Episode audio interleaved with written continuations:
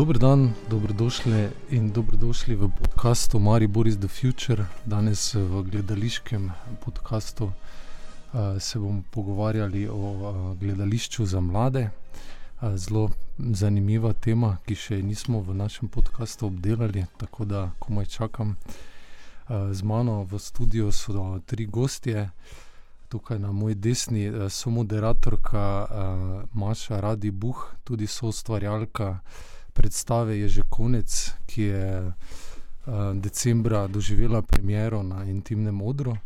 Pozdravljena, Maša. Živa. Uh, če nadaljujemo po, po desni, uh, Katarina Klančnik, kot sutar, direktorica uh, Ljudskega gledališča Maribor, ki je tudi soproduciral to predstavo. Uh, zdravo. Zdravo. Uh, in Martina Peštaj, uh, uh, psihologinja, medijska in razvojna, uh, in tudi so članica Komisije za Zlato paličico, platforme, ki ocenjuje predstave za mlade in otroke. Uh, pozdravljena. Zdravo. Uh, članica te komisije je tudi Maša. Uh, Maša, mogoče ti kar predam, pa narediš eno vod v temo, pa se potem razvije naprej. Um, ja, danes se bomo pogovarjali o gledališču za mlade, bolj specifično o gledališču za neka zgodnja najstniška leta, to pomeni to prvo obdobje nekje. 11 do 15, pred srednjo šolo, in sicer uh, se je ta tema razvila na podlagi, ali pa ne na podlagi, ampak kot uh, neko nadaljevanje predstave, ki smo jo pripravili v koprodukciji Ljudskega gledališča Maribor in Momenta, ki je bila prav namenjena neki tej starostni skupini, uh, 12, plus, uh, in se nam je zdelo, da je to tako, tako, tako neka starostna skupina, o kateri se morda malo premalo pogovarjamo, ko se pogovarjamo o gledališču za, mladi, za mlade. Pa bomo danes načeli to temo, recimo z neke perspektive tega, kaj so teme, ki so primerne, postopki, ki so primerni, uh, in tudi v navezavi uh, na neko kulturno-umetnostno vzgojo, uh, v bistvu kako. Kako pripraviti mogoče učence, otroke na, na predstave v tej starosti? Mhm. Uh, mogoče uh, eno splošno vprašanje za začetek. To je verjetno poseben izziv, ne? delati predstave za mlade. Kako se vi v Ludkovnem tega uh, lotevate? Ja, to je izziv zaradi mnogih reči. Ena od teh je, da Ludkovno gledališče, nažalost, se ga drži ena taka napačna predpostavka, da je namenjeno predvsem in zgolj otrokom. In tudi, ko komu rečeš, uh, ja, v Ludku ne delam, pridi okrog, imamo fine predstave, ja, nimam otrok, nimam vnukov, uh, nap napačno, napačno. Mi imamo veliko predstav, ki uh, nagovarjajo torej tudi starostne skupine 12, plus, 15 plus in tako naprej. Uh, veliko dobrih predstav, uh, Ludkarija se je v zadnjih, recimo, nekaj desetletjih razvila v izjemno, izjemno zanimivo uprizoritveno. Uprizoritvene forme so včasih bolj intrigantne in zanimive in odpirajo na drugačne načine neka vprašanja, ki se jih dramsko gledališče loteva na svoj način. Uh, tako da sem prepričana, da pogosto uh, presenetimo in navdušimo, lahko celo bolj, če si drznem lahko to trditi. No, kakorkoli. Um, 12 plus pa je taka starost, da v tej starosti otroci ne bodo še sami zašli k nam, torej jih bo nekdo moral pripeljati, ali bodo to uh, pedagogi, ali bodo to starši. Uh, in je pač v bistvu bi moramo bolj nagovarjati ravno njih, da jih prepričamo, da bodo to starostno skupino otrok, ki tu noč spadajo, pripeljali do nas. Uh, in je zato pač toliko večji izziv, da, da nekako uspemo prepričati, da je vredno in da bodo imeli od takih predstav ravno ti zgodni mladi veliko. Uh, praviloma pa so te predstave tudi take, da uh, navdušijo vse na vzgor, no? do 99. Plus. Mhm.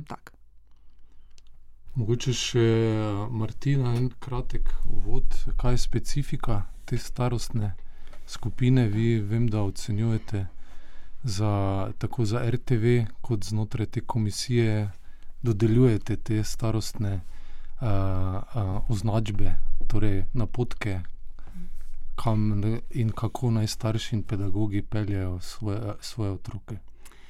Um, ja, jaz bi rekla, da je tukaj res, se mi zdi, da je vedno bolj pomembno to, da se zavedamo, za katero ciljno publiko delamo. Včasih je bilo nekako krtko zelo široko, pa za otroke, pa za odrasle. Nekako zdaj se mi pa zdi, da res gremo vedno bolj, na vedno bolj oske ciljne publike, um, kar na nek način mogoče kakšne umetnike moti, pa se jim zdi tako zelo tehnično. Jaz pa tako zelo verjamem v to. Ne? Jaz sicer izhajam iz drugih medijev, izhajam iz digitalnih medijev, ampak recimo na področju ustvarjanja, konkretno bom zdaj televizija, ki je pač moje primarno področje, eh, je šlo celo tako daleč, da se ne ustvarja več samo za rečemo, predšolske, pa šolarje, pa najstnike, ampak so te, te specifične ciljne skupine postale tako oske, da lahko celo govorimo.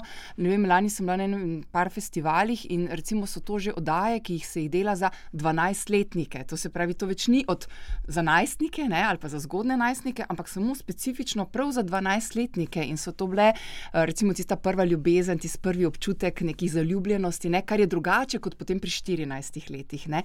In se mi zdi, da če peljem pa na polje um, teh uprizoritvenih umetnosti da je tako zelo pomembno res se zavedati ciljne publike, ne kateri želiš nameniti to, da, to predstavo in jo predvsem zelo dobro poznati. Zato, ker jaz mislim, da ni tako, da bi rekel, ah, sej najstniki, to so že mladi odrasli, v bistvu lahko gledajo karkoli, kar je že za odrasle. Ne, ni hec s tem. To je tako, kot je Katarina rekla, ti moš narediti zelo specifično za njih, da jih res pritegne, da, da, da je res, da, da, da se jih dotakneš z vsebino, da se jih dotakneš z načinom, s konceptom, da se jih dotakneš s humorjem, recimo da je to res nekaj za njih in potem se bodo radi vračali.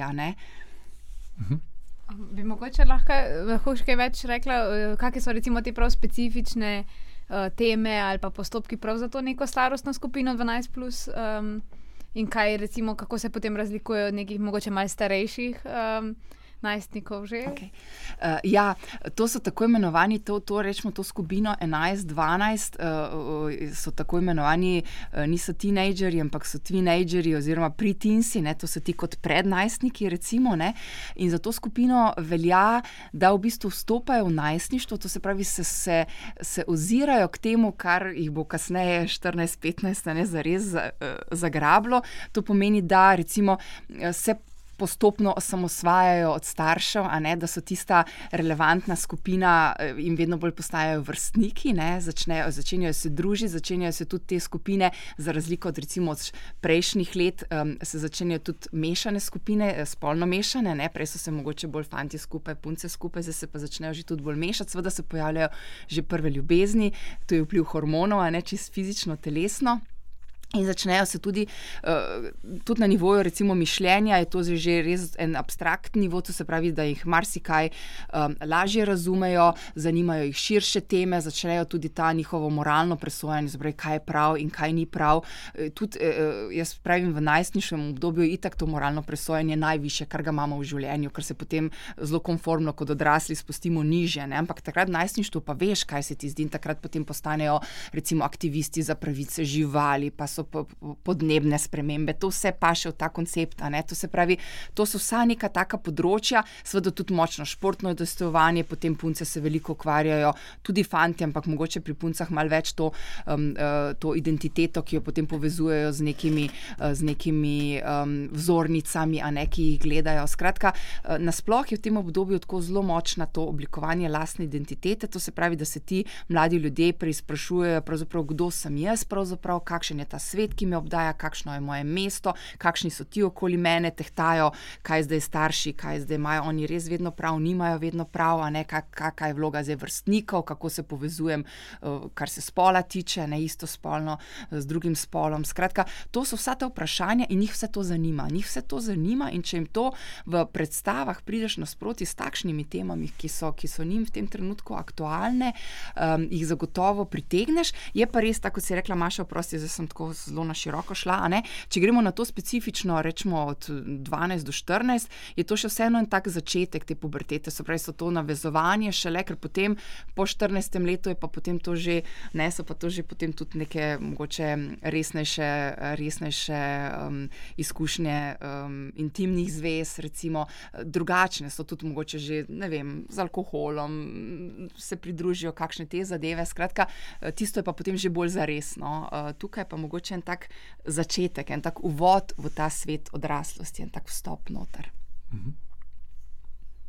Mm, mogoče bi se zdaj še vrnila malo na, na Ludkovno gledališče in sicer bi me zanimalo, uh, kako pa recimo torej za to neko obdobje tega zgodnega najstništva, kako v bistvu snujete program, na kaj ste pozorni pri vabilu k režiserjem, postopkom, imate kakšne specifične postopke ali pa smernice, kako oblikujete program za uh, to starostno.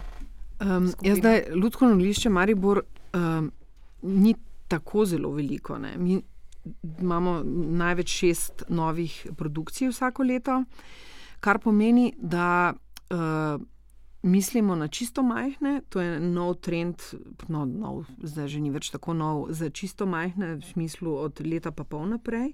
Se pravi, tako najzgodnejše srečevanje z umetnostjo. Mislimo pa na tri leta in nekaj stare otroke, se pravi ta vrčevsko obdobje, pol pet plus, ko so že malo bolj kompleksne in teme in teksti in vse to.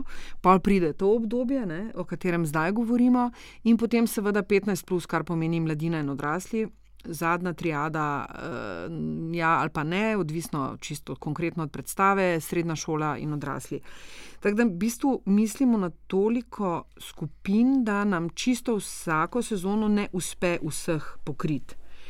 Um, tako da 12 plus ne pride vedno nujno čisto vsako sezono na vrsto, tako da naše izkušnje so zanesljivo najbogatejše in najbolj izpiljene na področju 3 in 5 plus, odkrito rečeno. Uh, vendar tu tudi nabiramo če dalje več izkušenj ja, na tem področju. In uh, predvsem se mi zdi ena stvar, in to pravzaprav pri vseh starostnih skupinah, eno osnovno izhodišče, da nikakor ne smemo uh, ciljne publike podcenjevati, pa si misliti, da je pa za nje dovolj dobro ali pa to je prezahtevno. Veliko krat se zgodi, da otroci razumejo bistveno, bistveno več, si, kot si mi predstavljamo. Ena taka zanimiva izkušnja. Uh, za eno tako zelo specifično temo, smrt, uh, je bila nekaj let nazaj predstava uh, Sanje o zvezdi, ena Dickensova kratka zgodba, kjer sta bratec in sestrica, sestrica umre, gre k zvezdi in ta fantiček pol celo življenje, še kot odrasel, čaka, da bo šel k zvezdi. Tudi on in se srečal s to sestro, ena pravzaprav kar tako um, žalostna tema. E, pa precej e, naravnost povedana, in ko smo po tej predstavi govorili z otroki o njej, e, so oni zelo, bistveno bolj resno, zrelo in, in um, uh, videli vse in razumeli vse to, pa, pa hkrati ne sentimentalno, pa so vzavo. Tako da smo bili res prijetno presenečeni in se skozi take izkušnje res učimo. Še enkrat pravim, nikakor ne podcenjevati, pa se id nek, uh, ne vem, buc, buc, uh, ni treba. Treba jih je imeti resno in na ta način pristopiti. Uh, raje morda nastaviti lestvico malenkost više, kot pa prenisko, uh, bi rekla po izkušnjah. Tako da to je, mislim, da eno osnovnih izhodišč.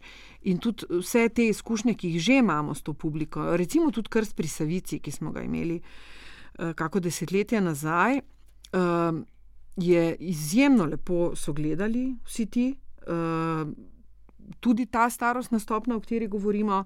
Tako da uh, jaz mislim, da eno od osnovnih izhodišč mora biti jemati jih resno in uh, ne podcenjevati, in ne si misliti, da niso dovolj, mislim, zreli, to ni zdaj prava beseda, da ne razumejo, veliko več uh, razumejo in hočejo vedeti in hočejo razumeti, kot bi mi mogoče zaščitniško hoteli.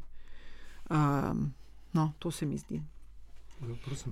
Ja, jaz bi tukaj hvala, Katarina, si me prav spomnila, da mogoče nisem dovolj poudarila, da v tem obdobju imajo res, ravno zaradi tega, ker se pač življenje tako na široko odpira pred njimi, um, jih seveda zanimajo vse te teme, ki so recimo lahko tudi tabu, ki so težke teme in, in, in absolutno ni to, um, da bi bile te predstave samo en hec, pa štos, da bi se lahko režali, ne? ampak da jaz verjamem ravno v kontekstu tega nepodcenjevanja, da odpiraš vse te resne teme in da je genialno genialna predstava tista, ki se loteva tudi takšnih tem, ampak jih pelje na način, da jih res pritegne. In se mi zdi tudi to, da je zelo pomembno, da. Um, Ko imaš njih v glavi, ne, da pa vseeno veš, da so oni na poti tega gradnje, te svojega ne, pogleda na svet, in da je na koncu vseeno pomembno, da jih predstava kot taka, ali pa to govorim tudi na nivoju filma, oddaj, da jih vseeno na koncu polnomoči, da jih ne pusti prazne, da ne grejo oni iz gledališča z občutkom, ta svet je narobe, to je katastrofa, jaz bom kar skočil skozi okno, ampak da dobijo skozi to predstavo, sicer se odpre težka tema, kot je smrt, kot je vem, ločitev, kot je razpad zveze, ne vem, vse te stvari, ki jih pač pretresajo tudi njih, ampak da dobijo na koncu neko sporočilo, da so rešitve, da so luči, da, da to se mi zdi, da je ena tak čar take, um, take predstave.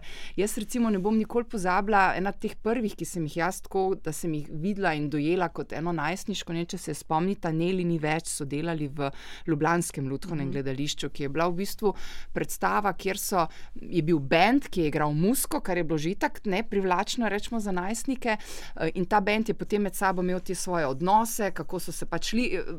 Glavna, osrednja poanta je pa bila, da je ta njihova uh, pevka, glavna, imela raka ne, in je tudi umrla v tej zgodbi. Ne, in potem so se to šli uh, med sabo, kako so to nje, njo prehendljali, da so pač njo, njeno izgubo in kako sta se uh, tudi med sabo ti odnosi njihovi. Mislim, to je bila predstava, ki sem jaz gledala po moje parkrat in sem takrat rekla, viš, to so stvari, ki bi jih moral vsak najstnik videti, že zato, da se sam nahrani, da se v tem uzre in hkrati, da vzljubi umetnost kot tako, ne, da to vidi in reče, jaz bom še šel v teater, jaz bi še rad to gledal. Hmm. Je pa ena stvar, in to boš Maša tudi ti lahko o tem kaj povedala. Uh, absolutno moramo, po moje, pri ustvarjanju predstav za take specifične starostne skupine. Je fino, po moje, če imamo možnost, in mi smo to možnost pri predstavi že konec izkoristili, da povabimo testno publiko, se pravi nekaj otrok iz te starostne skupine, da res preverimo. Ker, mi se ne moramo dovolj dobro spomniti lastne izkušnje, ne? Eh, plus časi se spreminjajo. Ne? Eh, in eh, mi smo tokrat to naredili, mislim, da ene trikrat. Vsaj dvakrat zanesljivo, če ne trikrat, da smo imeli testno publiko in pol pogovor z njimi, in so dali strašansko dragocene feedbacke, da smo videli, ne, kaj funkcionira, če se ne razumejo, kaj. Um, kaj jih navduši, kje je prava smer, kje je mogoče neka slepa ulica v nekem prizoru. Skratka, to nam je blazno pomagalo. No? Skozi njihove oči pomagali so nam zelo. Pri, pri tem ustvarjanju. Ne? In tu se mi zdi, da smo res tudi, eh, kaj ne rečem, odgovorno ravnali v tem smislu, da smo si želeli uh, sproti videti, no?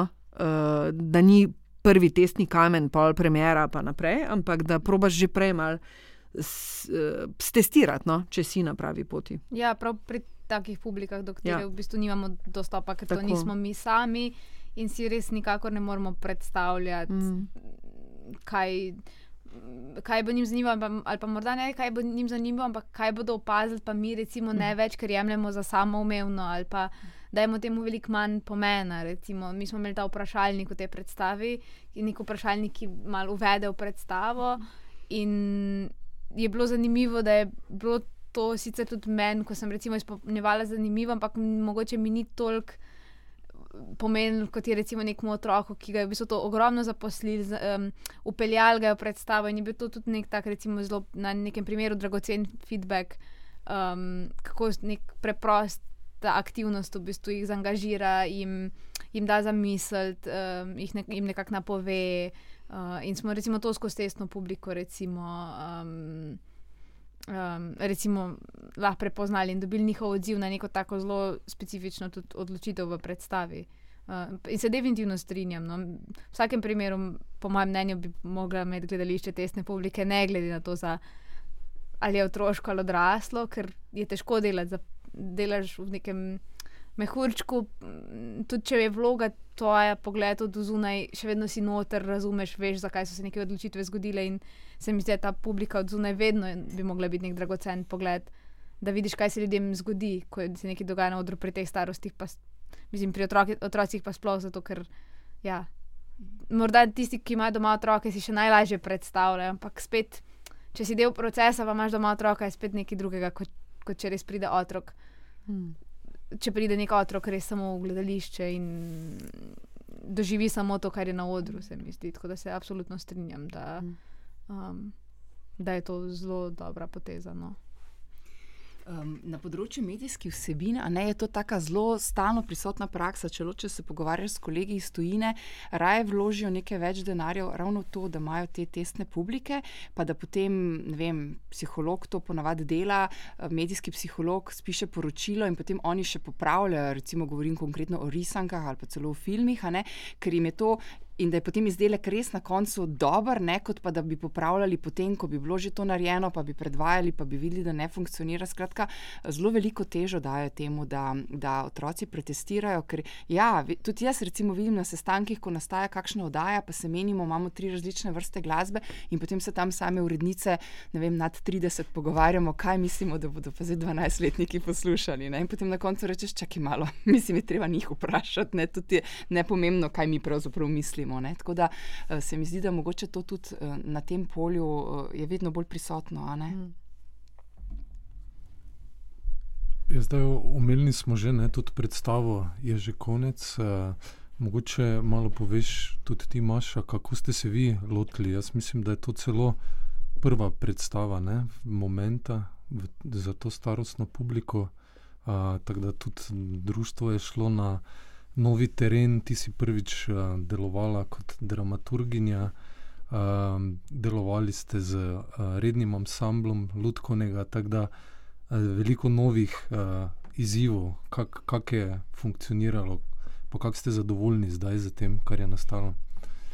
Um, ja, šlo je v resnici se mi zdi tudi za nek tak postopek, ki je mogoče v nekem otroškem ali mladinskem gledališču mal manj pogost kot v gledališču za odrasle. To pomeni, da je predstava nastala na podlagi uh, neke teme, ki so jo potem raziskovali skozi improvizacije in je na podlagi tega nastal avtorski material, kar je postopek, ki je pogost v recimo nekih performativnih praksah, vedno bolj tudi v institucionalnem gledališču, ampak za odrasle. Um, ne pa se mi je to tako pogosto v nekem gledališču za mlajše. Uh, tako da je v bistvu ogromno materijala nastalo strani uh, soavtorjev, ki so tudi tri igravci, torej uh, člani ansambla Ljudskega gledališča Maribor in ima predstaven tak zelo močen, tudi oseben odtis uh, vseh nas, ki smo jo ustvarjali, ravno zaradi teh improvizacij, ki so v resnici bile. Um, neka dovolj konkretna podlaga za dogajanje na odru, um, nastale so pa na podlagi teme, uh, ki se ukvarja s koncem sveta, pričakovanjem konca, čakanjem konca, kaj se zgodi po koncu. Torej, v bistvu nekih vprašanj, ki nas dan danes vse zaposlujejo, tudi mlade v resnici, ker so vse čas prisotne in v medijih in v, v nekem javnem diskurzu. Um, ampak smo se to potem lotili tega na malce bolj intimen način. To pomeni, čist, um, akcijo konca sveta postaviti na zelo opremljiv način, um, ne toliko na abstrakten, ampak odštevamo do konca sveta, kaj se zgodi prej, kaj se zgodi potem. Um, ja, prosim. Uh, Jaz sem htela reči, da meni je bila ravno to ta dodana vrednost te predstave, da sem tako res full uživala, ko sem jo gledala, ker sem rekla, prav uporabljali so spoh v tem prvem delu, a ne, ko oni trije izrazijo, um, kaj kaj zadnja bi pravzaprav želja. zadnja želja.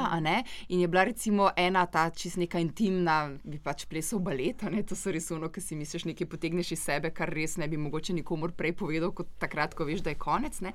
Oni dve, drugi dve se mi pa zdi, da so bili pa sploh taki, ki so se zelo povezovali s tem obdobjem, kjer iščejo sami sebe, ne testirajo. To se pravi, kaj, um, da bi me objokovali, ne? ker vsak misli, pa ko bom umrl enkrat, potem bojo pa vsi videli, kako je bilo, ne? ampak tebe več takrat ne bo. Ne? To se pravi, taka res taka tipična najstniška tema. In potem ta druga tema, ne? da bi slišal, kaj drugi mislijo o meni. Ne? In potem je najprej to bilo vse preveč polajt, potem je bilo prehudo. Ne? Skratka, tako sem rekla, ja, to je točno to, kar najstniki v bistvu, če bi jih vprašal, verjetno so vam rekli, ali ne vem, ste se pogovarjali, oziroma so se tudi na to odzivali. Ne? Si videl, potem jaz sem gledala takrat, ko so bili ti ciljna skupina notrne.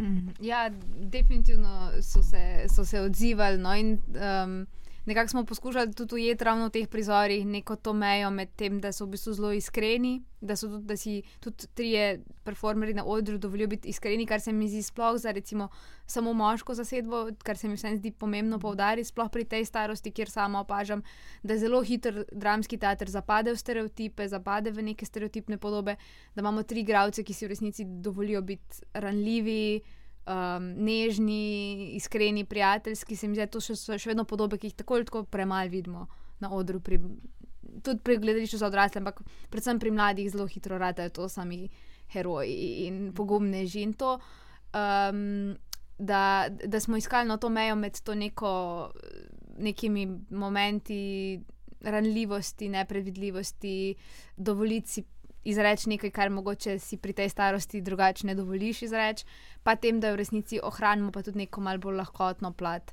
Zato, da se morda otroci lahko v tem prepoznajo, ni pa točno to preveč sentimentalno ali pa preveč resno, ampak um, da je v bistvu tudi to neko. Te neke do, izjave spremlja nek občutek lahkotnosti v tem smislu, se v resnici ni pa to neka tako velika stvar. Tudi ti v publiki si lahko to dovoliš, ni zdaj to travma izreči svojo skrito željo. Tako, um. ja, pa še ena uh, kvaliteta se mi zdi tu zelo velika in je fino, mogoče kaj ne reči. Oni trije se ne pretvarjajo ali pa ne igrajo otrok eksplicitno. Mm v bistvu ostaja tako malo nedefinirano, kaj oni ne, niso zares neki odrasli, pa niso spet neki otroci, ampak vsekakor ne glumatajo nekih, ne, jaz sem pa zdaj star 12, kar se mi zdi fino, zato ker to, to res izpade prav včasih boleče no, opazovati um, odrasle, ki se pretvarjajo, da so otroci. Uh, in pa ena še dodana kvaliteta, kar je tudi testna publika pedagogov na eni od uh, predpremier uh, ugotovila. Um, torej, fino je, da se male otroke prepelje v teater, 3, plus 5, plus uh, in tako dalje. In, ampak teater ima neko tako zelo strogo formo. Uh, vse je tako pač Vemo, kako teatri izgledajo, v glavnem ti institucionalni teatri so polikani, urejeni, vrste, ček, ček, ček, avla, vse štima. No, ampak kar so tu otroci in eh, odrasli v njihovem imenu, ravno govorimo o teh pedagogih, ki so prišli gledati predstavo, ugotovili je, in tega sem jaz tudi zelo vesela v našem mestu konkretno, da s to predstavo upam. Um, ozaveščamo to pri publiki, da ima Maribor poleg SNG-ja in Ludkovnega gledališča še um, ta krasen neodvisen prostor intimnega odra, ki ima eno drugo kvaliteto. Ki v resnici intimni odr ni samo po imenu, ampak v resnici omogoča ta tesnejši, na nek način lahko tudi ranljivejši, ampak to, to v tem dobrem smislu, stik med publiko in akterji. In to se ravno pri tej predstavi izrazito kaže kot ena velika prednost. In mislim, da ta predstava tem, na tem prizorišču funkcionira še bistveno bolj avtentično, uh, v nekem dialogu med publiko in akterji, pa ne mislim zdaj nujno dialogu, uh, resničnem, ampak takem, da, da, da mi se potopimo kot gledalci v ta svet, ga doživljamo, ne glede na starost. Um, In to, to je nekaj, kar se mi zdi tudi vredno omeniti. No? In, da, in upam, no, da bo čim več uh, mladih prišlo na to predstavo in da bodo videli, da je teater niso samo rdeče zavese in obl stoli in vem, uh, marmor in tako dalje, ampak da, da se znajo uprizoritvene umetnosti dogajati v tudi nekonvencionalnih uh, prostorih. In uh, da jim bo to odprlo tudi neke nove dimenzije v tem, tem smislu, ne zgolj konkretne predstave, o kateri govorimo, tudi, ampak tudi to, da eh, kaj vse v prizoritvena umetnost lahko je in kaj ti vse lahko da in kje vse ti lahko da. No? To se mi zdi še ena taka dodana vrednost. Ja, hvala za to lepo vabilo. Ne? Predstava se ponavlja 1., 10. in 11. februarja tukaj v, na intimnem modru v GT2. Mogoče še samo eno zadnje vprašanje. Uh, o tej predstavi, pa mogoče lahko potem nadaljujemo širše s tem. Je to na ključe, ali ste načrtno zbrali v bistvu vsaj za dva izmed igralcev? Vem, da sta uh, očeta, ne, otrok, ki sodi, sodijo v bližino te starostne kategorije ali v to starostno kategorijo, ne Uroš Kaurin in Miha, Miha Bizeljak. Bizeljak. Mislim, da je to bolj na ključe. Uh, Ludkovno gledališče premore je v trenutku nastajanja te predstave premoglo štiri igralce, od katerih je en glih šel v penzijo. Da, ampak imamo srečo, da imamo res krasen ansambl. In, uh, uh, in pač ne moreš dosti zgrešiti. No? Imamo res, res imamo fine, fine um, igralce in igralke, in to je bolj na ključe. Ja. Uh, ampak uh, po mojem, pa to dejstvo pomaga.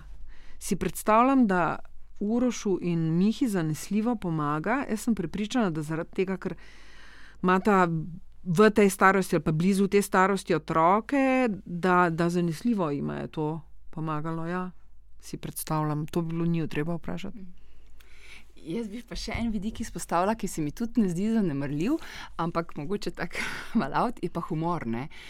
Humor se mi zdi, da je tista stvar, ki je in v medijskih vsebinah, in tudi v gledališču tisto, kar je zelo pomemben uh, del stavljanka. Ne? In to sploh ne mislim tisto, da se ti tam smejiš, pa da je nekaj res tako uh, nepoceni, ampak je to tista za mene. Uh, jaz sem nekoč davno nazaj zelo poglobljeno raziskovala to humor po specifičnih ciljnih skupinah in se to se razlikuje skoraj iz leta v leto, bi človek rekel. Ne? To, kar mi govoriš, to se doma sedemletnik, dvanajstletnik govori, kako je neumno, dvanajstletnik govori ene, ki jih mali ne razume. Skratka, to res vidiš, kako se razvija. In humor je nekaj, kar definitivno človeka pritegne. To se pravi, tudi če je resna tema, tudi če je težka tema in če je to nek um, zrel, nek, nek uh, dober, kakovosten humor, te to pritegne. Ne? In to je tisto, kar si mi želimo v bistvu. Ne? To je isto pri oddajah, pri filmih. Ne? Uh, humor je tudi zato dober, da če je neka resna tema, da je mogoče v nekem trenutku malo razrahlja, da si lahko malo oddahnejo, da lahko malo zadihajo in se potem spet poglobijo v neko, neko, neko težjo temo. In tu se mi je zdelo točno to pri tej predstavi, da sem prvo rekla, da mogoče pa to bilo tudi zato, ker so oni vedeli, a ne, ker poznajo ta humor najstnikov in njihovo tudi izrazoslovje, tudi njihov način, tudi njihov uh, miselni svet se mi je zdelo, da je bilo na par mestih tako res dobro, da so jih zadeli v nulo in se je tudi videlo, ker so se ti gledalci smejali. Ne? Si prav videl, kako so se odzvali. Um, in, in to ni seveda ni bil tisti koronski smeh, kot v nekih mogoče nekih uh, komedijah, ne? ampak gre res za tisto, da, da dojameš srž, da, da ujameš, da te potegne in, in to je tudi ena tista prednost te predstave, se mi zdi. Ja, mislim, da to v resnici tudi to vprašanje tega, kaj mlade pritegne, um, kako jih tudi naslavljamo, se mi v teatru, bi jaz tudi nekako speljala, mogoče še mal uh, proti naslednjemu vprašanju, na katerega si v bistvu Katarina že mal nakazala skozi tistega pogovor s pedagogi in sicer nekaj, kar se je po torej, tem testnem občinstvu izkazalo kot zelo zanimiva debata, je v odnosu do, torej, do kulturno-umetnostne vzgoje v šolah in vloge gledališča, šol in tega, v resnici, kaj teater ponudi in kaj ponuja tej starostni skupini. In, um, da je morda smiselno povedati, v navezavi tudi na to predstavo, ta predstava ima dva dela, uh, drugi del je velik. Um, um, Veliko manj ulovljiv v smislu neke um, jasnosti, tudi ni želje, da ima nek jasen narativ v primerjavi s prvim, in da in ta humor in ta nek prelom um, poskušate v bistvu pokazati, da teater ne rabi biti samo poučen ali pa resen, kar se mi zdi, da je nekaj, kar se mogoče še vedno dovolj uh, pojavlja kot nek ali prepričanje ali želja, recimo v, v šolah, ki vodijo otroke v, v gledališče, da mora biti to ali nek tekst, ki je nastal, ki ga obravnavamo pri slovenščini, um, ali da mora biti to neka moralna nauk ta predstave. In da se mi zdi, kar poskuša ta predstava narediti, ampak kar se mi zdi, da nasplošno bi ta teater za to starost načeloma moral ponuditi, je točno to, da je v bistvu gledališče doživetje, da je izkušnja, da se ti nekaj zgodi in da v bistvu to, ali se ti za nekaj naučiš, je v resnici lahko dodaten bonus. No? Ampak se mi zdi, da mhm. in bi skozi to v resnici tudi mal še navezala na vprašanja um, naslavljanja pedagogov in uh, pedagoških priprav v resnici uh, za to starostno skupino. No. Se mi zdi, da je še to tema, ki bi jo si v bistvu želela mogoče še malo z vama odpreti. Um, um, da je recimo, če učiteljice pripeljajo ali učitelji pripeljajo otroke na recimo, to predstavo ali pa takšne vrste predstav v tej starosti, uh, kako v bistvu sploh pripraviti učence na take predstave uh, in kako jih čim bolj opremiti, da bodo lahko gledališče res izkusili. Um, ja, to bi bila nekako eno vprašanje, ki bi ga odprla obema. Um, ja, mi smo ravno pri tej predstavi ne, se odločili, da bomo prakticirali pogovore po predstavi, zato ker gre le za ne popolnoma. Tako pričakovano, ustaljeno, uh, tradicionalno formo gledališča, in je že zato fino, da damo možnost gledalcem, da kaj vprašajo na koncu, da si kako stvar razjasnijo, da na koncu koncev smo tudi mi vedno željni feedbacka. Um, tako da uh, mislim, da je to fino, kadar se to lahko zgodi, se pravi, pogovor po predstavi, eno tako skupno premišljanje ali pa deljenje uh, občutkov mnen. Um, da se vrnem, kar si pa na začetku rekla, ja, da si želijo, ali da je nekaj, kar je iz učnega programa, ali pa da je vsaj moralno, ne, moralni nauk.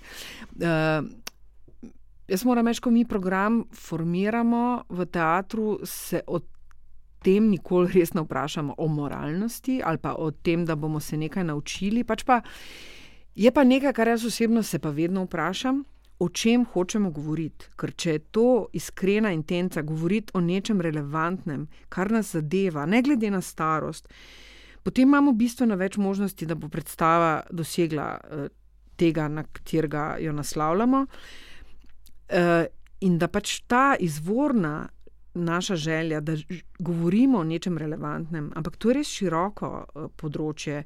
Mislim, konec sveta je relevantna tema. Uh, sploh v tem trenutku, ki je precej, um, mislim, obremenjen z, z nekim zgodovinskim. Uh, uh, težo, uh, od vojn do, do ekoloških in tako dalje katastrof, to so zelo relevantne teme. Uh, ni, ni nujno, da ravno ne uh, uprizarjamo uh, zelo konkretne, znane tekste ali pa naslove, ali pa nekaj, kar v šoli obravnavajo, ne vem, skozi Martina Krpana, skozi Tri Savici. Um, vsekakor mislim, da se teater mora dotakniti življenja v neki točki in, in o nečem spregovoriti, kar se nas dotika. No? Da pa, pa, pa smo na dobri poti.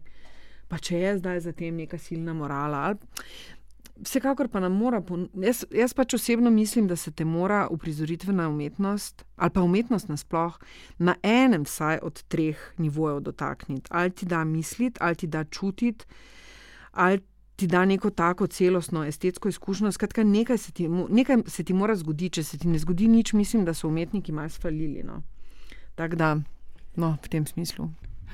Um, jaz se fulj strinjam s tem, kar si rekla, Katarina. Zdi se mi, uh, zdi se mi izjemno pomembno, uh, tako kot si na, m, rekla Maša, ne, da um, je v bistvu že to, kako izbrati predstavo, gre za to, da če se izbere kakovostno predstavo, po, po večjih kriterijih, ne, bo taka predstava zagotovo takšna, ki bo nagovarjala to ciljno publiko. In vse raziskave, ki jih vedno znova berem, kažejo, da če ti uspeš pridobiti ciljno publiko, da, da ima fokus, da zadrži, potem se iz te predstave ali pa vsebine, kakršne koli, bo tudi vedno nekaj naučila. Mogoče ne tisto, kar so hteli v ljudskem gledališču, ali pa tisto, kar bi si učitelji želeli, ampak jaz sem prepričana, da vsak otrok, ki gre ven iz gledališča, je nekaj vzel iz tega zase karkoli. In to je to. In to je to. Eh, kar sem pa jaz želela, kar se tiče teh pogovorov, se pa meni zdijo sploh res ena tako zelo velika vrednost. Itak se je to že tako premaknilo. Tok smo šli že v vseh teh letih, ne včasih se nam zdi, da nismo veliko naredili, po drugi strani smo pa ogromno naredili. Jaz vem, da sem, ne vem, meni je travma ostala iz tretjega razreda, ko smo šli gledati en film v kino, seveda popolnoma nepripravljeni. In potem, ko je, bila, ko je bilo leto 2000 in so delali, veste, tiste obračune, ne, takih filmov in drugačnih filmov, bil tisti film, ki smo ga mi gledali gledali v tretjem razredu, torej pri svojih devetih letih, popolnoma nepripravljenega na drugi, na mestu najbolj žalostnih filmov tisočletja. Ne? To se pravi, da. Ne? In jaz se tega še vedno spomnim, tega filma. Ne? To je bilo tako pretreslo me do obisti. Da, eh, v tem smislu, kako zdaj vodimo otroke in kako že pedagoge jim omogočimo, da se oni pripravijo, kar je prvo, ne? že zato, da oni to lahko vidijo, da oni lahko preberejo neko gradivo, da se počutijo soverene in da tudi na ta način nagovorijo otroke in potem da otroke. Recimo pred in potem še po predstavi, da se z njimi pogovarjamo, to je, to je največ, kar jim lahko damo.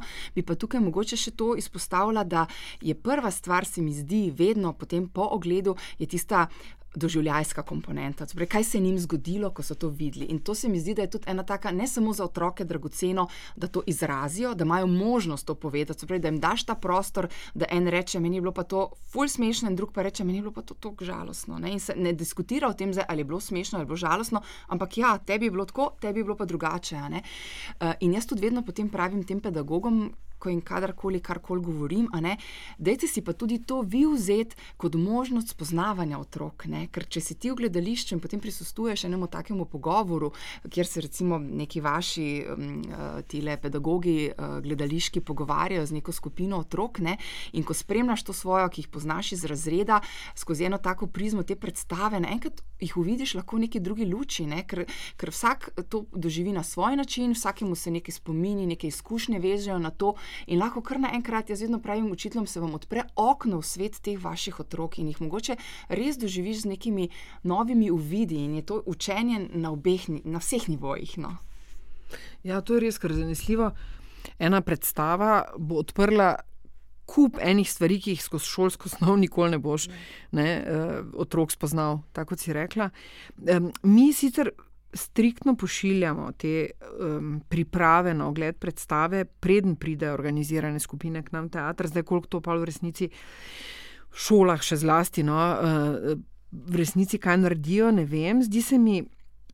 Pa vsekakor upam, saj, da se po predstavi z njimi kaj pogovorijo. Uh, uh, ali pa če nič drugega, da jim res to, tako kot si rekla, služi ogled predstave za istočnico, da, da otroci lahko spregovorijo o rečeh, o katerih sicer v šoli ne, in da jih imajo možnost res uh, drug drugega otroci spoznati. Um, Pedagogi njih spoznati na drug način, mislim, da bi bilo to blazno, dragoceno, lahko, če, če le to naredijo. Ne? Zdaj, kadar imamo neposredno po predstavi mi z njimi pogovore, se to zgodi, zdaj kaj se pa v šolah pol dogaja, kadar odidejo, to pa težko vemo. Ne? Ampak jaz upam, da izkoristijo ta naboj ali pa ta potencial, ki ga vsaka predstava bolj ali manj nosi. Se na koncu koncev se tudi po eni flop predstavi, da verjetno ogromno pogovarjati, ne? mogoče še več. Ko po kakšni uspešni predstavi, pa na koncu koncev, zakaj pa se ne bi pogovorili tudi o tem, zakaj ena predstava ni ok ali pa zakaj se nas ni dotaknila. V bistvu. Ja. Nič narobe s tem. Ne? Mhm. Ja, morda še tukaj še v bistvu bi še eno drugo vprašanje ali pa misel odprla. Je tudi to v resnici, poleg tega doživljajskega aspekta, pa v bistvu uh, je še gledališki aspekt. Torej, v bistvu vseeno živimo v neki državi, ki v primerjavi recimo z, vsaj mojo izkušnjo z Nizozemsko, nima. Um, učiteljev, ki se specifično ukvarjajo z gledališčem v šolah, to pomeni, da pogosto to prevzamejo učitelji in učiteljice, ki imajo pač nek interes poleg tega, ampak učijo pa druge predmete. Kaj pa so recimo neke, se ne vem, mogoče nimamo nobeno od nas, ne ve, ampak mogoče je to nek prostor, da se malo špekuliramo ali pa mislimo. Kaj, kako se pa recimo z otroci pogovarjati prav o tem, o, o gledaliških strategijah, um, kaj jim lahko ponudimo v tem pogovoru po predstavi, recimo. Um, sploh tudi v navezavi na predstavo je že konec, ki ima neke dost netradicionalne postopke, mm. ni dramskega teksta, oni v bistvu ne igrajo likov, uh, je ta prelom. Ampak v resnici se je tudi mnogo takih predstav, tudi za mlajše in starejše, ki niso nujno dramski, klasična dramska predstava. Kako se recimo z otroci pač z njimi pogovarjati o, o tem, prav o gledališkem aspektu in jih nekako skozi to tudi mogoče malo izobraziti razumevanju gledališča kot medija, v resnici kot umetniške forme, tako kot se učijo recimo o poeziji in o mm -hmm. literaturi in o njenih strategijah, formah, lastnostih, razvoju. Um, ne vem, če ima katera kako uh, idejo, izkušnjo, mnenje o tem. Ja, mi zdaj te, take teme v glavnem začnemo, ko pridejo k nam na, na te neke program, eh, pedagoške programe, kjer o ljudskem gledališču govorimo. Mogoče na to nismo dovolj pozorni, kadar gre za pogovore po konkretnih predstavah. Tako da hvala, Maša, bom si zapisala to nekam. Uh, ja, imaš prav, v bistvu ponuja to, običajno gremo pa res bolj na. To, o čem govori predstava, ne toliko na kak način govori o, o rečeh. Tako da, ja, um, imaš prav. Ja. Uh, v teh programih, kjer pa pridejo otroci, pa zvejo, kaj o gledališču, tam pa posvečamo pozornost tudi gledališkim poklicom, tudi to, da, mal, da malo povemo o tem. Ih opozorimo na to, kaj vse in kdo vse je, je, stoji za tem, kar oni pa na koncu vidijo zgolj skozi igravce ali pa ljudke. Skratka, um, da malo spoznajo, da je to en kompleksen proces, da kup ljudi sodeluje, da so to izjemno zanimivi poklici, ki bi utegnili mogoče tudi njih zanimati, ne samo umetniški, tudi neki čist specifično tehni, tehnični, od lučnih, tonskih mojstrov in tako dalje. Tak da, ja, naše izkušnje so, da zelo pritegnejo pogovori o gledališču, kadar imamo te, priložnost o tem spregovoriti. Um, ja, ampak verjamem, da to lažje naredimo mi, ki smo iz gledališča, kot pa pedagogi. No. Govorim o pogovorih o gledališču. Ja, ampak taka predstava, kot je že konec, pa zanesljivo ponuja veliki stočnic o mal drugih uprizoritvenih formatih in formah. Sodobnejših, drugačnih, ki jih otroci res uh, zagotovo niso vajeni, se jih tudi odrasli, mnogi niso. Tako da ja, to je nekaj, o čemer bi upam, da bo čim več priložnosti um, govoriti tudi o tem. Ja.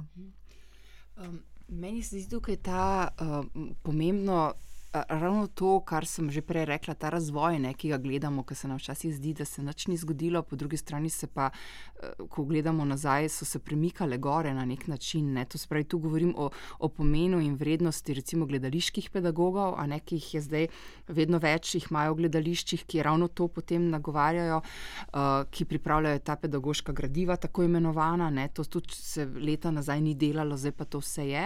Uh, da tukaj mogoče izpostavim tudi ta projekt kulturno umetnostne vzgoje, ki ga že leta um, vodita uh, Ministrstvo za kulturo in Ministrstvo za šolstvo, ne, ki, ki, je, ki pripelje do kulturnega bazarja. Ker, skratka, um, so to stvari, ki grejo sicer mogoče počasi, ampak ko se ozreš nazaj, vidiš, kaj vse se je zgodilo. In to pomeni, da tudi so se po šolah, so mentori kulturno-umetnostne vzgoje, ki imajo možnosti ogledati predstave, ki imajo možnost izobraževanj dodatnih, ravno na, tudi na področju uh, gledališkega jezika, recimo. Ne, konceptov. Um, in jaz tu vidim samo možnost, seveda je potem to zopet odvisno od učiteljev, lastnega angažmaja, to je pač vedno tako. Ne? Če imajo fajn učitla, uh, potem se tudi on recimo, bolj angažira. Uh, ampak ja, te stvari se spremenjajo. Recimo meni se zdi tako, že, že ko gledam nazaj, ko sem. Vem, deset let nazaj razmišljala o kontekstu teh predstav, pa sem takrat razmišljala, kako bi bilo fino, da bi imeli tudi za predstave neko bazo, nekih kakovostnih, zato da bi starši, pedagogi, tisti, ki ne vejo, se ne znajdejo, si lahko poiskali neke stvari ven. Ne? Pa se je takrat tudi zdelo tako, tako zelo iluzorno, kako kdo bi se pa lahko tega lotil. Ne? Ampak potem je, potem je v nekem trenutku zaživela zlata paličica, ki, ki je tam, ki ima ogromno bazo, zdaj že tako, da tudi na tem področju se mi zdi, uh, tako kot imaš na filmih priporočilno starost, tako kot imaš pač te stvari nekako kurirane, je tudi na področju uh, gledališke vzgoje točno to, uh, se stvari premikajo in se da najti. Ni več, se mi zdi, da je bolj naša. Um, Rekla le nova, pa me boste kregali, ampak imajo tisti, ki si želijo najti stvari, jih zdaj, v tem času, tudi interneta in tega, absolutno lahko najdejo. Hmm, to je res. Uh, lahko mogoče vi dve, ki delate za zlato paličico, malo več o tej platformi poveste, ker se mi zdi zelo koristno orodje ravno ne, za pedagoge, tudi starše. Tam se zbirajo te predstave, ki so primerne za različne starostne skupine, tudi pedagoška gradiva se zbirajo, ocene predstav, um, kje to najdejo, kako to deluje, uh, kako se lahko tudi prijavijo, ne, mogoče gledališče. Mislim, da bi morala začeti Maša, ker ona je, ona je glavna, ona je stebr. ja, ti si pa že, ti pa že, tvoj pa že drug mandat teče. To je res. Um, to je res. Ne, v bistvu gre za platformo, ki deluje v okviru Slovenskega gledališkega inštituta. Mislim, da je to glavni, ja. uh, glavni vodja. Uh, najde se v bistvu na spletu na zlatapaličica.si. Um, v resnici, glede prijave in tega pa jaz nisem čist prepričana, kako se predstave prijavijo za presojo, ker to v bistvu do mene, to ima čez. Um, Sandra, ki vodi ta projekt, Sandra, Sandra Jenko. Tako. Uh, tako da jaz s tem, vsaj jaz nimam mm. veliko stika s tem. Na gledališki inštitut se. Mm -hmm. Verjetno naj, je to mm -hmm. najbolj. Ideja je pač, da ta komisija si pogleda vse predstave, vso produkcijo za otroke in mlade, ne, in se potem nekako odloči, katere so tiste najkvalitetnejše, ki bodo uh, najkakovostnejše, ki pač sodijo na, na to platformo. Ne. In v tej komisiji smo eh, Maša kot eh, teatrologinja, to se pravi, ona je tista, ki tudi sodi o samem gledališkem konceptu, gledališkem jeziku, estetiki in na ta način, a ne ima rečemo, tisto prvo, ne, kar, kar je pomembno za to, da reče, da ja, ta, ta predstava je kakovostna.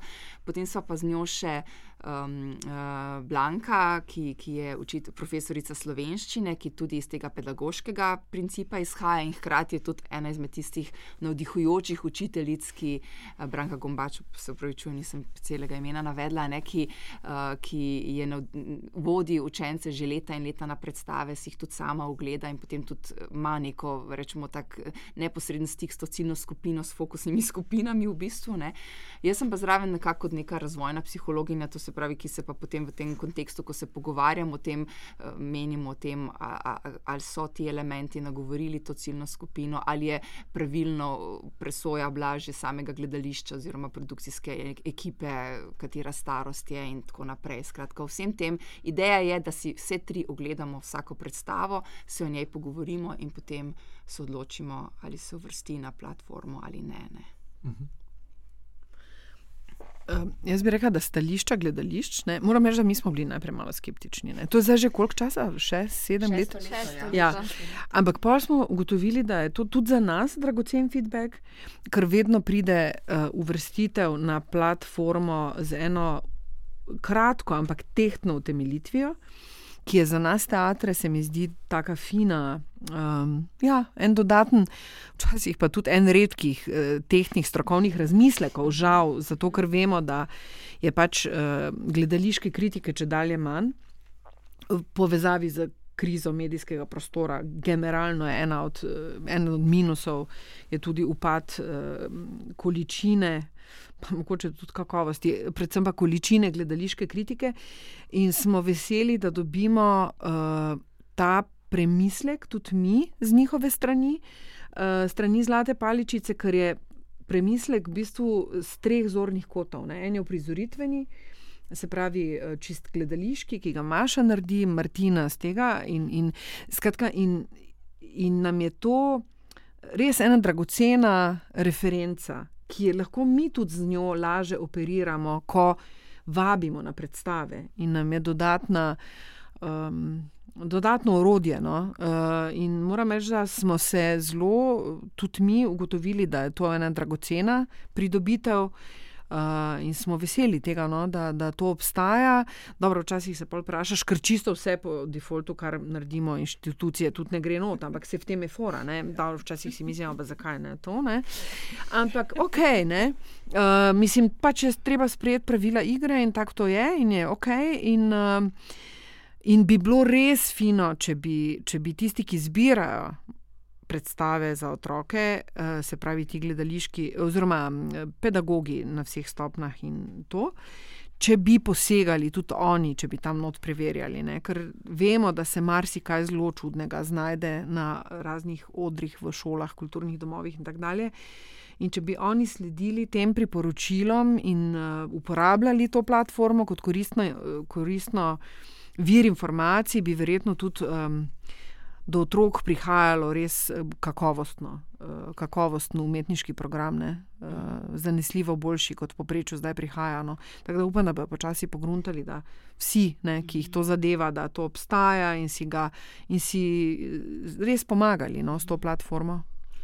Um, meni se zdi glavna ideja tega, to, da nasploh tega kulturno-umetnostne vzgoje kot take je, ne, da, da bi kakovostna kultura eh, prišla do otrok, um, do vseh otrok, ne, ker to je edino možno v bistvu v pedagoškem procesu, ne, ker pač otroci nimajo vsi enakih podpornih skupin, to se pravi, niso vsi iz družin ven deležni uh, enakega, da jih vozijo v gledališča, da se o teh stvarih pogovarjajo in tako naprej. In šola je, ali pa vrtec in šola, pa sta tista dva prostora, kjer bi bilo to možno. To se pravi, da če otrok nikoli ni videl nobene predstave, je v šoli tisto enkrat na leto, ko grejo, jo vsaj tam dobi. Ne? In potem se nam, ki se s tem ukvarjamo, zdi res pomembno, da pa tisto, kar takrat pogleda, je pa res dobro. Ravno zaradi tega, da. da, da ga v polnosti nagovori, da mu da en okus poše, skratka, da, da, da mogoče res ga nagovori, da bo tudi kasneje postal gledalec. No. To, in to je mhm. res ena taka, mi čutimo to kot ena velika pomoč in si tudi želimo, da bi nas na ta način pedagogi uh, razumeli in sprejeli. Morda bi še dodala tu na, na to, da v resnici jaz mislim, da je še četrti kriterij zlate paličice, ki pa je v resnici en tak kriterij, ki ni, ki ni zapisan, ampak del kot, več kot gledam je v resnici kontekstualni kriterij. In sicer skozi obdobje gledanja vse produkcije za mlade in otroke v bistvu dobiš tudi eno ogromno, ogromno. Um, Referenčno polje tega, kaj vse teater je, in v resnici tudi to je nek kriterij, ki vpliva na koncu na presojo tega, razumeš, kaj so trendi, kaj so negativni, pozitivni trendi, kaj izpostaviti. Kar je nekaj, kar če gledaš samo po eno, po eno predstavo, vsake tok časa ne moreš zaobjeti tega, kaj vse. Kaj vse sploh je na voljo, točno to šolam, kot vse, kar je na voljo, in kaj potem tudi na podlagi tega, kaj izpostaviti. Morda tudi zdaj, kako predstavo, ki ima kako majhno, mogoče neko ne napakico, ampak kako bi ti rekli, mogoče ni vse popolno, ampak ker je v, v generalnem smislu spodbuja toliko pozitivnih stvari, dobi mesto recimo, v neki selekciji, ker se mi da, to je tako, selekcija je vedno. V resnici odbo, od, od, odbere od vsega nek procent tega, pa v resnici sej, imamo različna mnenja ljudi med sabo, plus popolno, popolno predstavo res težko narediti in vedno tehta, tehta v selekciji tudi to v resnici. In ta kontekst se mi je potem na koncu nekaj, kar tudi v resnici pretehta, vsaj v mojem primeru, v, v vrstitvi predstave. Ne, je to, kaj doprinese pač prostoru otroških predstav, kaj, ali pa recimo, če, kaj slabega bi doprineslo, če bi predstavo vrstila. Omenila sem že stereotipe, recimo, ki, se zdaj, mm. ki, se, ki ustrajno ustrajajo v teatru za mlade. In to je v resnici v tem kontekstu tega, da je to ogromno, v mojem primeru, kar pomemben kriterij mm. presoje. Recimo, no. In se mi je ta kontekst tega, da v resnici je 60-70 predstav na leto za otroke, vidiš, kaj vse je, in potem tudi na podlagi tega v resnici malo tehtaš. Mm. Um, je to mogoče še en tak kriterij, ki tudi pokaže kakovost v resnici. Um, Pa veš, kaj še se mi zdi, tudi imaš ta žanrska raznolikost. Zato, ker uh, veliko krat ima, imamo, pedagogi imajo v glavi to, da teater je samo teater, ne? je, je pač una drama, ki pač mora imeti, tako kot smo rekli, po nekih kanonih in tako naprej. Ne?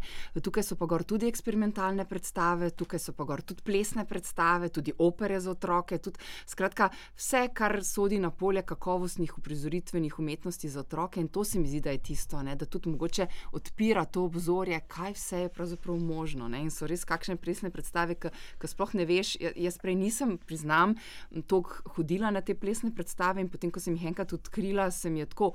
Pokazalo čisto novo obzorje, in, in, in to je ta, ta privilegij, v bistvu, če, če pogledaš to paličico. Ja. Ja, bližamo se eni uri, uh, tako da zaključne misli, še kakšne. Potem pa bi se vam zahvalil ne, za zelo zanimiv pogovor in povabilo v gledališče, vsekakor vse vrste gledališč, tudi na Zlato paličico, ja. kjer najdete napotitve za naprej. Eh, hvala, da ste bili danes eh, z nami. Hvala za povabilo. Hvala za lep pogovor. Hvala, Boštjan, za tehnično obdelavo, hvala, da ste nas poslušali in hvala Momentu za uh, produkcijo in podporo pri tem podkastu. Poslušajte še nas naprej.